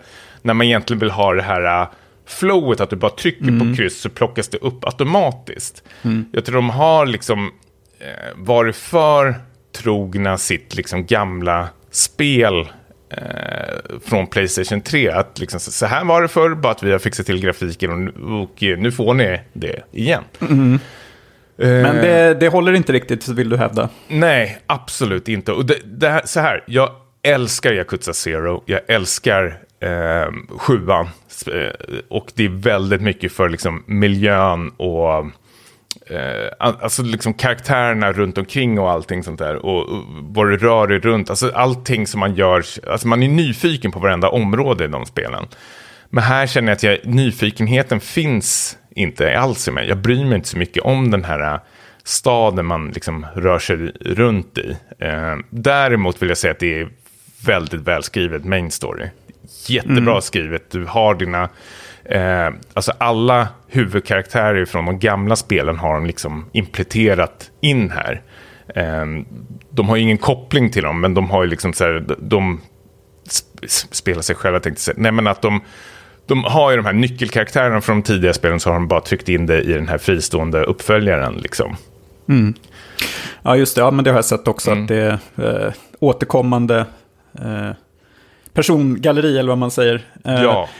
Alltså, ja, alltså jag kollade på lite videos av det här och kände att ja, eh, däremot är jag ju faktiskt nyfiken. För jag spelade sexan, eh, där man har en liten bebis. Spelade du det till och med? Jag spelade inte klart det, men jag hade rätt kul. Eh, när, mm. Det var väl ändå en 20 timmar jag la på det. Um, jag är lite sugen på att faktiskt spela Yakuza Zero eftersom du har talat det otroligt varmt om det och väl sagt att det är typ ett av de bästa i sin genre. Ja, och det är väl ett av de bästa open world-spelen jag spelat någonsin. Ja, exakt. Uh, för det är Tokyo, va? Ja, det är Tokyo och det är under 80-talet också. Oh. Så du har ju så här gammal uh, citypop-musik och allting. Alltså det är och, och så här sköna kläder.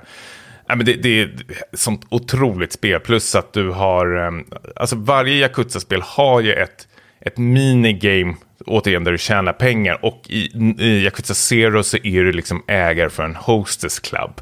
Och det är så jävla kul, för då ska du liksom eh, ragga upp liksom hostess på gatan, att de ska börja jobba för dig och så ska du liksom så här, bygga upp din hostess kar eh, karriär liksom, och tävla mot andra hostess bara. Alltså det är helt otroligt spel, Yakuza Zero. Alla stora dröm. Ja, precis. Nej, men jag, Yakuza Zero och eh, Like a Dragon eh, tycker jag absolut du ska köra. Eh, är de två bästa eller?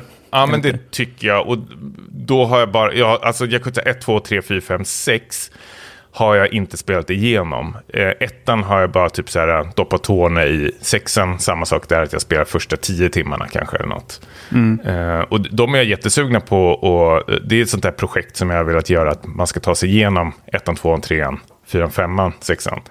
Men jag började lite i konstig ordning. Jag började med Yakuza Zero och sen hoppade jag i till Like a Dragon då. Um, och Like a Dragon, det är liksom... Alltså, åh gud vad struligt det blir nu. Men Yakuza 7, eh, Like a Dragon, vad fan man ska kalla det för. Är typ fristående, så man behöver inte ha spelat de tidigare spelen. Även fast det är små blinkningar. Men jag, jag tycker ändå du skulle prova det, för det är väldigt, väldigt, väldigt kul. Eh, det spelet. Vi har ju även spelat Eh, senaste delen i en långt gången rytm JRPG-serie, eller hur man nu ska beskriva det. Och du får rätta mig på uttalet här, men Theater Rhythm Final Bar Line heter spelet. Som är... Eh, jag har ju väldigt dålig koll på den här serien, men det, den här, det här spelet i alla fall är en samling av alla Final Fantasy-spel och mer därtill, tror jag. Där eh, en massa låtar finns att välja bland och du ska helt enkelt ta dig igenom de här banorna genom att eh, likt typ Guitar Hero, trycka lite olika knappkombinationer eh, och grejer eh, till de här låtarna. Eh, mm. Ikoniska låtarna från Nobuo Uematsus eh, låtskatt. Bland annat. Bland annat, det finns ju mycket mer här som sagt. Och eh, jag kände typ inte till den här serien. Den har väl funnits där någonstans i bakgrunden mm. eh, hos mig. Jag har aldrig testat. Jag blev intresserad nu när jag såg att det här som sagt, du får rätta mig om jag har fel, men är det här typ någon form av best of, greatest hits-samling? Nej men precis, det har kommit två spel eh, tidigare vet jag. Ett till DSen och eh, ett till 3DSen. Jag har bara spelat det till, eller nu kommer jag inte ihåg vilket, men jag spelade andra spelet vet jag och tyckte om det väldigt mycket. Det var så här perfekt eh, portabelt spel. Eh, när man låg i sängen bara och tryck i, i ja, den här rytmen. Det som, verkar, det som är så härligt med de här spelen är att det är så lättillgängligt tycker jag. Eh, att bara plocka upp det. Alltså du får ju, vad kan man säga Niklas, att du får små noter, prickar. Och det betyder inte att du ska trycka kryss, fyrkant eller trekant eller någonting. Utan du får välja vilken knapp du vill på liksom, kontrollen. Och sen mm. kan du liksom som ett liksom, keyboard nästan liksom, trumma dig fram mellan de här noterna. Antingen att du ska trycka eller hålla in och så finns, finns det vissa du ska liksom trycka med spaken åt olika riktningar. Mm. Um, och jag, jag vet inte, jag, jag, tycker det är supermysigt det här spelet, men det är väldigt mycket att det spelar på eh, nostalgin för mig ja. faktiskt. ja, men det är samma här. Um, det, det, som, det som drar lite är, jag kan säga, jag, jag var på den här uh, orkest, spelorkester, musik eh, konserten, eh, den här Score, Mm. eh, i Berwaldhallen. Och då, ja, men det, det är så här, det här eventet eh, varje år, i princip där gamers får visa att de kan bete sig i, i finrummet. Knappt Och det gick eller? bra. Det gick bra. Det var inga pinsamheter. Gissa Eh, Orvar Sävström var där. Ja, det är han som håller i det. Ja. Som vanligt. Ja. Ja, men och då var det just de här gamla klassikerna. Det var Final Fantasy 7 Main Theme och eh, opera, operalåten från sexan igen som de körde. Men det finns ju otroligt mycket mer att ta av från Uematsu.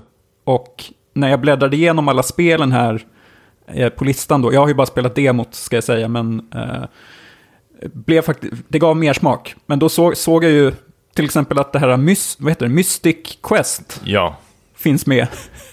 jag vet inte ens om det är han som har, det är inte han som har gjort den tror jag, utan det är någon annan. Nej, precis. Men han har inte gjort Final Fantasy 14-musiken heller? Om Nej, exakt. Och de är ju svinbra de låtarna alltså. Åh, gud. Jag har aldrig hört dem, så jag tänker att det här blir ju även en chans för mig att um, täppa igen luckorna när det gäller Final Fantasy-historiken. För att det, jag har ju inte lyssnat jättemycket på ettan, tvåan, trean, fyran heller, om Mm. jag ska erkänna.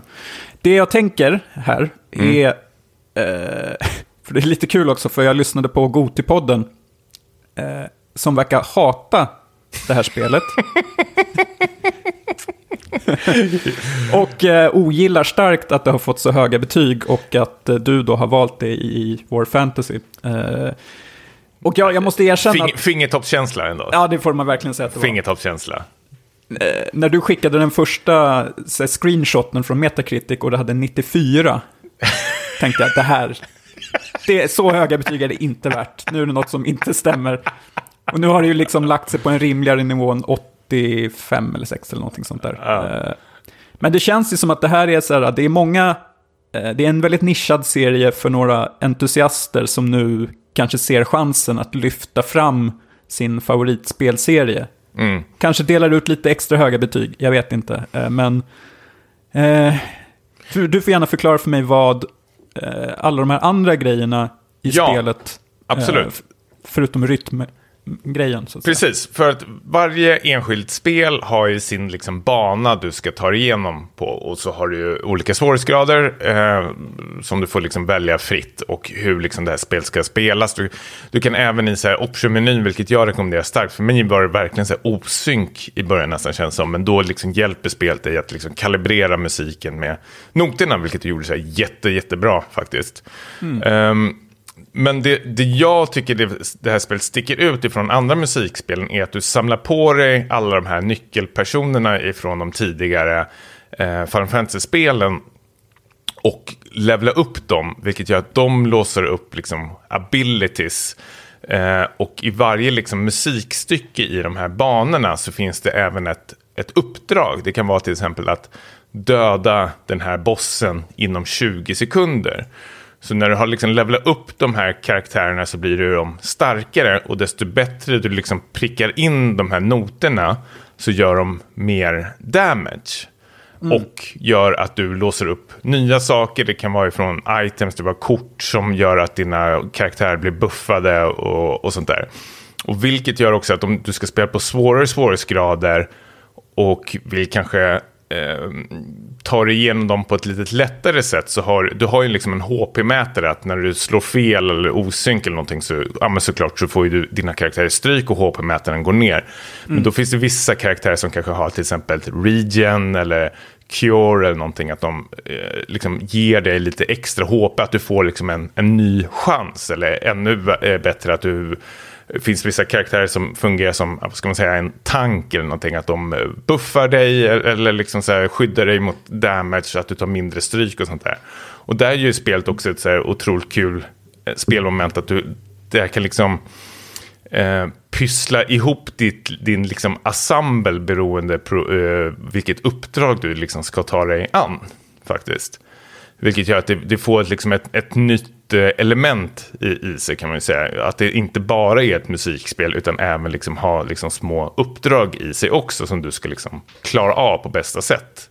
Ja, men det blir ju definitivt en, ytterligare en dimension. Ja. Ehm, och sen tänker jag att det kommer ju vara ett... eh, ett incitament att fortsätta är ju att du vill låsa upp mer låtar. Mm. Eh, Jag kollade nu, det är 385 låtar totalt plus massa DLC som är på gång också. Ja, men så här äh, Saga-serien, jag tror...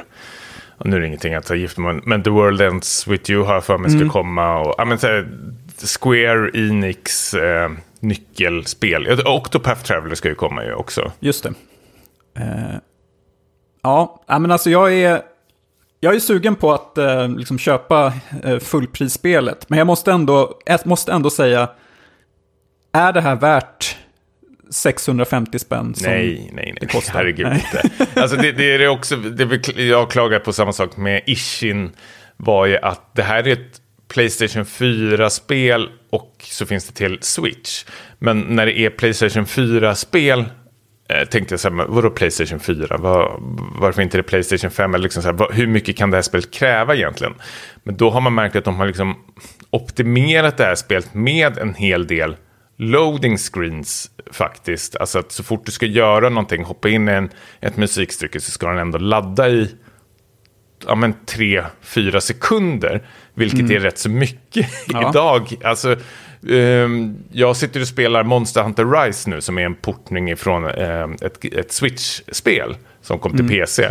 Alltså när man, när man hoppar in mellan de här skitstora världarna där. Eh, alltså jag, jag skojar inte, det går liksom på en, två sekunder. Alltså det går bara på en, liksom en, en fingerknäppning. Liksom.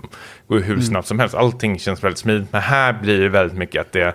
Jag hade önskat mig att de varit lite mer flow i när man hoppar mellan musiken och menyerna. Att den ska liksom, spelet ska stanna upp hela tiden och liksom ladda upp inför liksom varje meny man ska trycka på. Jag hade, jag hade önskat mer flöde i det faktiskt. Ehm, Ja, det här kommer ju bli, alltså jag giss, det blir ju svårare och svårare såklart. Och jag kan tänka mig att det är sjukt utmanande på högre nivåer. Då vill man ju testa direkt. Det ska vara Hotline Miami. Eh. Snabbheten när du bara kickar igång en ny Ja, men precis. Verkligen. Eh, och en sak jag också vill säga, eh, som jag saknar också, är, och jag har också sett att det är många som klagar på det, vilket de tidigare spelen hade, men att till exempel om det är... Nu vet jag inte direkt om det är just operahuset, men vi tar det som ett exempel. Operahuset i Final Fantasy 6 när det slåss mot uh, Ultros. Så har det ju även, finns ju hans uh, theme music med också. Ehm, Och då hade de i de tidigare spelen den bakgrunden som karaktärerna springer runt i. Alltså de här nyckelbakgrunderna, att man vet att nu är jag i operahuset. Men i det här spelet återanvänder de bakgrunden rätt så ofta. Att liksom även bakgrunden som eh, de använder här i Final Fantasy 7 till exempel, när man spelar det, finns i Final Fantasy 2. Vilket man, folk också, så här, vilket jag förstår också klagat över att så här, kom igen nu, ni kunde väl ändå liksom ehm, anpassa er till liksom spelen som liksom musiken finns till. Att liksom, om ni spelar Final Fantasy 2 så ska det vara liksom en liten Final Fantasy 2-blinkning bakgrund. Det är inte bara Precis. fienderna därifrån man slåss emot. Och e- en sak som också är synd när man kör det här main missionet som också fanns i de tidigare spelen var att man kunde köra något som hette BGM tror jag hette, alltså background music video. ehm, Vilket gjorde att till exempel Final Fantasy 8 har ju den här eh, dansscenen mellan Squall och, eh, vad heter hon? Quiz. Jag vill säga Rihanna, men det heter hon väl inte? Nej, men nästan, hon heter väl någonting? Rihanna eller någonting. Rihanna, ja. ja men du vet vad jag menar.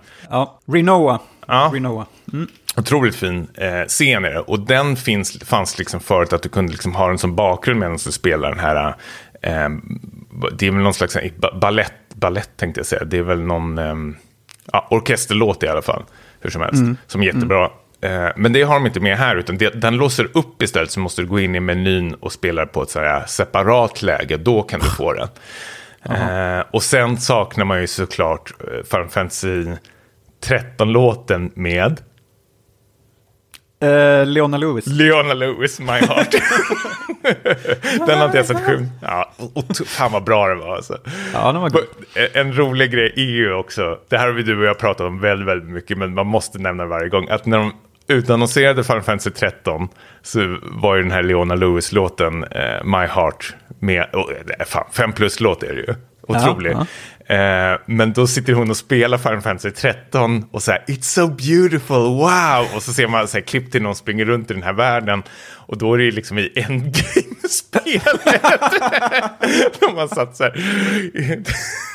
alltså, så kontrollen i handen på henne. Ja, det, det, vi måste lägga upp det här klippet någonstans. Le, eller, ja, det är... Leona Lewis playing Final Fantasy 13, det är så jävla ja. gåshud alltså. Fem plus. ja. Och, alltså jag saknar Final Fantasy 13. Jag tyckte det var helt, jo men det är ett bra spel. Jag gillade lighting och, ja men du har ju själv, liksom, det väcker ju gamla minnen det här spelet, eh, faktiskt. Ja, nej, men det här är ju 100% nostalgi. Ja, det är uh, supernostalgirunk, alltså därav de höga betygen. Ja, jag, faktiskt. Jag, ja, men, nej, men, he, Gotipodden alltså, har en poäng kanske. ja, men Gotipodden är ju bara pissförbannade för vi plockade... bittra. Ja, bittra som fan. Men det är typiskt, var kommer de från? Norrland, Luleå någonstans där. De, är det inte västkusten? Jag vet inte. Ja, men det är någon sån här rolig Jönssonligan-dialekt. Nej! men, men, ja. men, ähm, äh, alltså grejen är, om det här spelet, vi, vi, vi säger nu att ähm, Final Fantasy existerar inte. Aldrig gjort det. Och sen får Square Enix för sig, ja men vi har gjort ett musikspel, vi har tagit in en gaggig gubbe som heter Nobuo Uematsu som har fått skrivit 350 låtar åt oss. och så släpper de bara det på rak arm sådär eh, och har de här karaktärerna. Alltså, jag har svårt att se att det hade fått över alltså, 75 det här betyget då. Mm. Snitt. Alltså, så är det ju. Ja, för det är ju, det är ju rosa glasögon här som det, det gäller. För det är inget unikt gameplay eller någonting. Men det är liksom lättillgängligt. Det är nostalgirunk. Eh, och det räcker för en del. Det räcker för det, mig. Ja, precis. Man, mm. man, man kastar ut sina kritiska glasögon genom ah, fönstret och Absolut. bara kör på. Jag ser fram emot att uh, spela det här, men jag kommer ju vänta tills det måste ha gått ner halva priset minst. Ja, och, och alltså, jag tog Om du är ett inbitet Final Fantasy-fan och älskar musiken, alltså absolut, köp det. Men det kanske mm. är lite saftigt uh, just nu, uh, priset. Men jag, jag, tycker, om du tycker om musiken så absolut. Och det går, det vill jag också säga, det går att spela i multiplayer också. Alltså mm. de, de, har ett, ett eh, online-läge där du spelar mot andra personer. Eh, vilket är rätt så kul. Där du går upp i ranking och sånt där. Väldigt lätt. Eh, och sen har du även liksom ett lokalt multiplayer där du samarbetar. Där du spelar med två kontroller då, då. Bara att ena personen har de två översta raderna och den andra personen har två understa raderna. Det funkar hur bra som helst. Och där kan du köra mm. main story och allting hur du vill också. Så om du är två stycken hemma som gillar den här spelserien så eh, är det ännu mer rekommendation faktiskt. Ja, vi eh, i filmklubben den här gången så har vi ju valt en gammal film från 1936. Eh, Modern Times, eh, Charlie Chaplin, ett av hans stora, mest kända verk. Eh, det här är ju lite outforskad mark för oss med stumfilm. Ehm, nu var det ju lite ljud i den här i och för sig. Jag, jag vet inte exakt var, var gränsen går. Men det är i alla fall en... Bra att ja. du sa det. Ja, jag vet inte hur mycket de har lagt till efteråt. Uh, men, jag men, tänkte att det här in... kanske... Mm. Ja, vi kom in på det. Jag, ja. jag tänker att det kanske är något som kommit efteråt. Men det är i alla fall... Han gör ju sin då klassiska karaktär Luffaren. Som är, återkommer i The flera Tramp. av hans filmer. The Tramp, Little Tramp. uh, som då kämpar för att ja, men, överleva i en modern värld helt enkelt. Eh, det, det, börjar ju med att han står vid ett sånt här, i en fabrik, vid ett så löpande band eller vad man säger. Eh, och ska försöka liksom hänga med i, i tempot och de här ökade kraven på honom. Och eh, ja, så, så, följer vi honom helt enkelt i när han försöker att passa in i samhället. Och det går väl sisådär för mm. honom. Du och jag har inte sett något av Chaplin innan, så det var ju spännande att kolla på det av den anledningen. Absolut. Men eh, är det något som... Kommer du se hans, resten av hans 50 filmer eller vad det är han har gjort? Nej, det kommer jag absolut inte göra. Men däremot eh, är jag sugen på att se mer av han faktiskt. Eh, mm. Dels för att eh, Först ska vi ju säga att jag, jag, vet ju, jag har ju sett ditt betyg på det här. Vi, vi har väl sett både du och jag eh, 3 plus på det. Mm. Vilket är helt okej okay, faktiskt. Och jag förstår varför den här filmen är så stor. Han var ju verkligen före sin tid. Eh, Uh, och jag tror om vi jämför med andra filmer från 30-talet som är stumfilmer så är ju den här eh, bland det bästa säger jag utan att ha sett eh, en bråkdel mm. utav dem. Mm. Eh, och sen har ju liksom tycker jag väl ändå att den står kvar på tidens tand också. För det finns väldigt mycket så här, filmvetenskap i den. Jag har sett väldigt mycket så här, eh, behind the scenes, alltså när folk har förklarat. Det finns en eh, känd scen när han åker så här, um, eh, rullskridskor och är, mm. håller på att nästan trilla ner. Eller det är så ett stup bredvid. Mm. Och hur de har trickfilmat det genom att ha haft sådana här fejkade eh, förgrunder framför kameralinsen. Och jag, jag blir superimponerad sånt. Så här, praktiska effekter för att lura liksom, tittarnas ögon. Liksom, att han, allting är bara liksom, statist, eh, eller kulisser och eh, eh målade bakgrunder. Och jag, det, det, blir ju ännu lättare att lura oss eh, tittare när det är svartvitt också. Så man ja. ser liksom, tydliga kontraster och sånt. Men mm. sånt blir jag jätteimponerad på. Och jag tycker han har verkligen... Eh, alltså jag tror varför folk håller den här så högt uppe och Charlie Chaplin är ju sådana saker. Att han, alltså på det filmtekniska så har han ju liksom utvecklat alltså filmkonsten. Och precis som så James Cameron och sånt där. Att man börjar mm. dra i, i filmteknik och sånt för att liksom det ska gå framåt. Så där mm. är han ju verkligen ansiktet utåt. Men sen liksom själva filmen som är den är ju rätt så kort, den är en och en halv timme. Alltså första 20 minuterna kände jag typ att wow, det här är det här är riktigt bra, det här är tufft faktiskt. Ehm, mm. när han jobbar i den här fabriken. Men sen är det ju liksom, den känns ju mer som den är uppstyckad i flera kortfilmer. Att man sätter Charlie Chaplin, alltså Tramp då, i en situation och så ska han liksom tramsa sig igenom det klipp till nästa situation. Mm.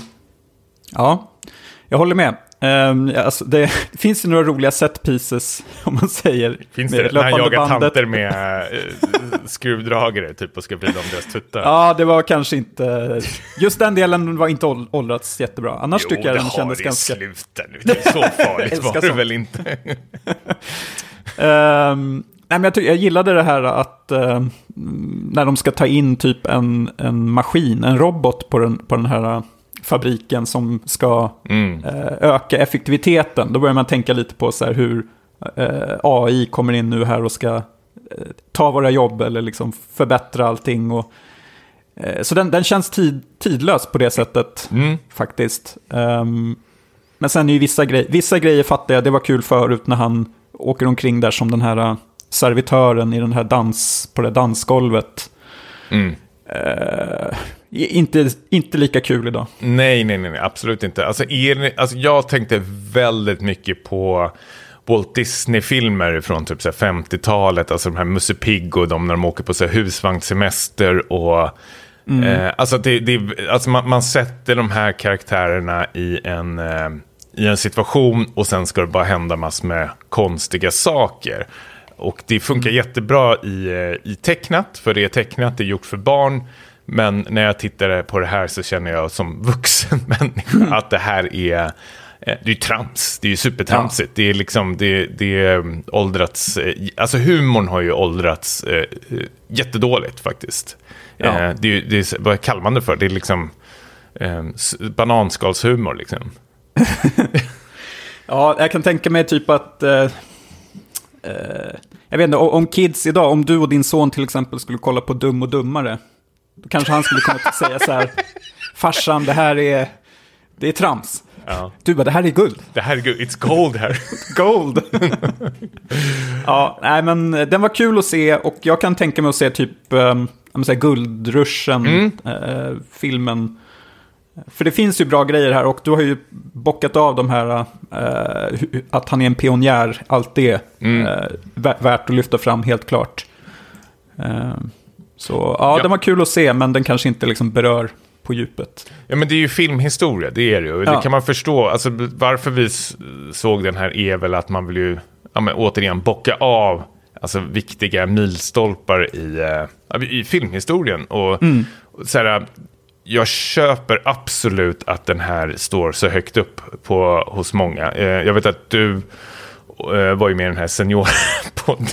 När ni pratade om världens bästa filmer. Och du var den som hade missuppfattat uppgiften och tog dina favoritfilmer. Medan personliga filmer, mycket aliens och Terminator och allting. Medan de andra var så här, ja men den här har gjort bra för fi film ehm, alltså filmtekniken liksom för att den ska mm. röra sig framåt och allting sånt där. Och Modern Times återigen är en sån film att liksom, jag tror att väldigt många eh, regissörer och manusförfattare, fotografer som har sett den här filmen som har blivit influerade och liksom utvecklat filmkonsten tack vare den här filmen. Och därför är den så viktig tror jag för så många faktiskt. Definitivt. Eh, och sen kan man ju sitta och, och prata om, om, om humorn håller eller inte, men det tror inte jag är någon som står bakom heller, att hylla den här filmen för sin eh, pricksäkra humor. Men grejen är att man blir rätt så trött i skallen efter 90 minuter flams. ja, det blir man faktiskt. Um, men jag, jag måste, för, för, för, får jag bara hylla eh, Charlie Chaplin snabbt som skådespelare? Alltså säg vad man vill om tramset så tycker jag ändå han har ett, eh, ett härligt minspel och en eh, eh, kroppsspel. Han, han äger ju eh, filmduken här. Han kör ju över sina motpartners. Liksom. Det, det, är ju han i centrum och han, han är faktiskt duktig på det han, han gör som den här mm. transpersonen. Mm. Eh, så jag, jag, kan ju förstå också varför han är en av de liksom, största skådespelarna. Alltså att han, precis som vår tid kanske Jim Carrey, men att man, mm. man, man, man, man, vad säger man, man skådespelar med liksom hela ansiktet, kroppen liksom. Att man ja, väldigt sånt. fysisk skådis. Ja, och det gör han ett så här, otroligt bra eh, jobb faktiskt. Eh, så absolut. J jättebra film faktiskt, men eh, ja. Ja, jag tror vi är på, man, man förstår vad vi ja. Eh, gillar och inte gillar och så mm. vidare. Mm. men hörru du, vi har ju en filmklubb till nästa avsnitt också. Ja. Och nu blir det något helt annat. Hörru du. och nu är det du som får välja film och då, då kan det gå hur som helst. Ja, det kan gå åt, helt åt skogen. För mm. nu blir det en så bortglömd B-film från, var det 70-talet? Jag vet um, inte Niklas, det här får du. Nej, jag, tar in, jag tar avstånd från det här valet. Jag vet vad du, vad, men kör, jag ska inte avbryta. Den heter, jag måste kolla. Den heter... Har du glömt bort vad den heter?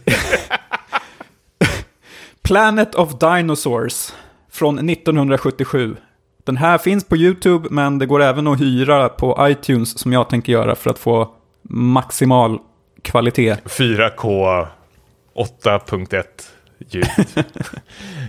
får, jag, får jag bara fråga en sak? Eh, ja. Jag har aldrig hört talas om den här filmen. Mm. Um, vad, vad, hur kom du över den? För den ser jättedålig ut och den har ju fått jättedåligt också. Jag, eftersom den här nya Adam Driver-filmen är på gång, 65, som ja, vi pratade om, ja. Eh, så var det någon som sa så här, ja, ah, det, det, finns redan en film om astronauter som kraschlandar på en dinosaurieplanet. Här är den. och du bara, noted. noted, den ska vi se. Ja. Så det blir en uppvärmning inför 65 eh, helt enkelt. Eh, Okej, okay, jag tror det var en förkärlek till dinosaurierna du hade. Men... Ja, det också. Ja, det, det också. Ja. Ja, nej, men annars ju... så blir det väl... Mm. Eh, annars kommer det bli uppföljning på Blood Bowl 3 bland annat. Jag gick in och kollade nu vad det har på Open Critic. Har du sett vad det har? Åh, nej, vänta, får jag gissa? Ja. Jag tror även kritikerna är lite schysstare här, så jag, jag måste väl ändå säga 75. Eh, 52. Vill du veta en rolig sak?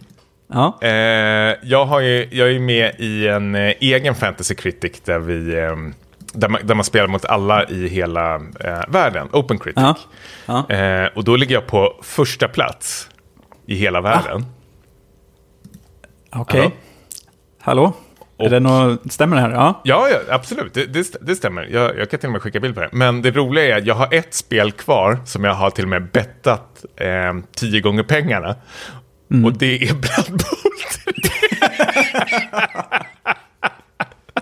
Du är körd.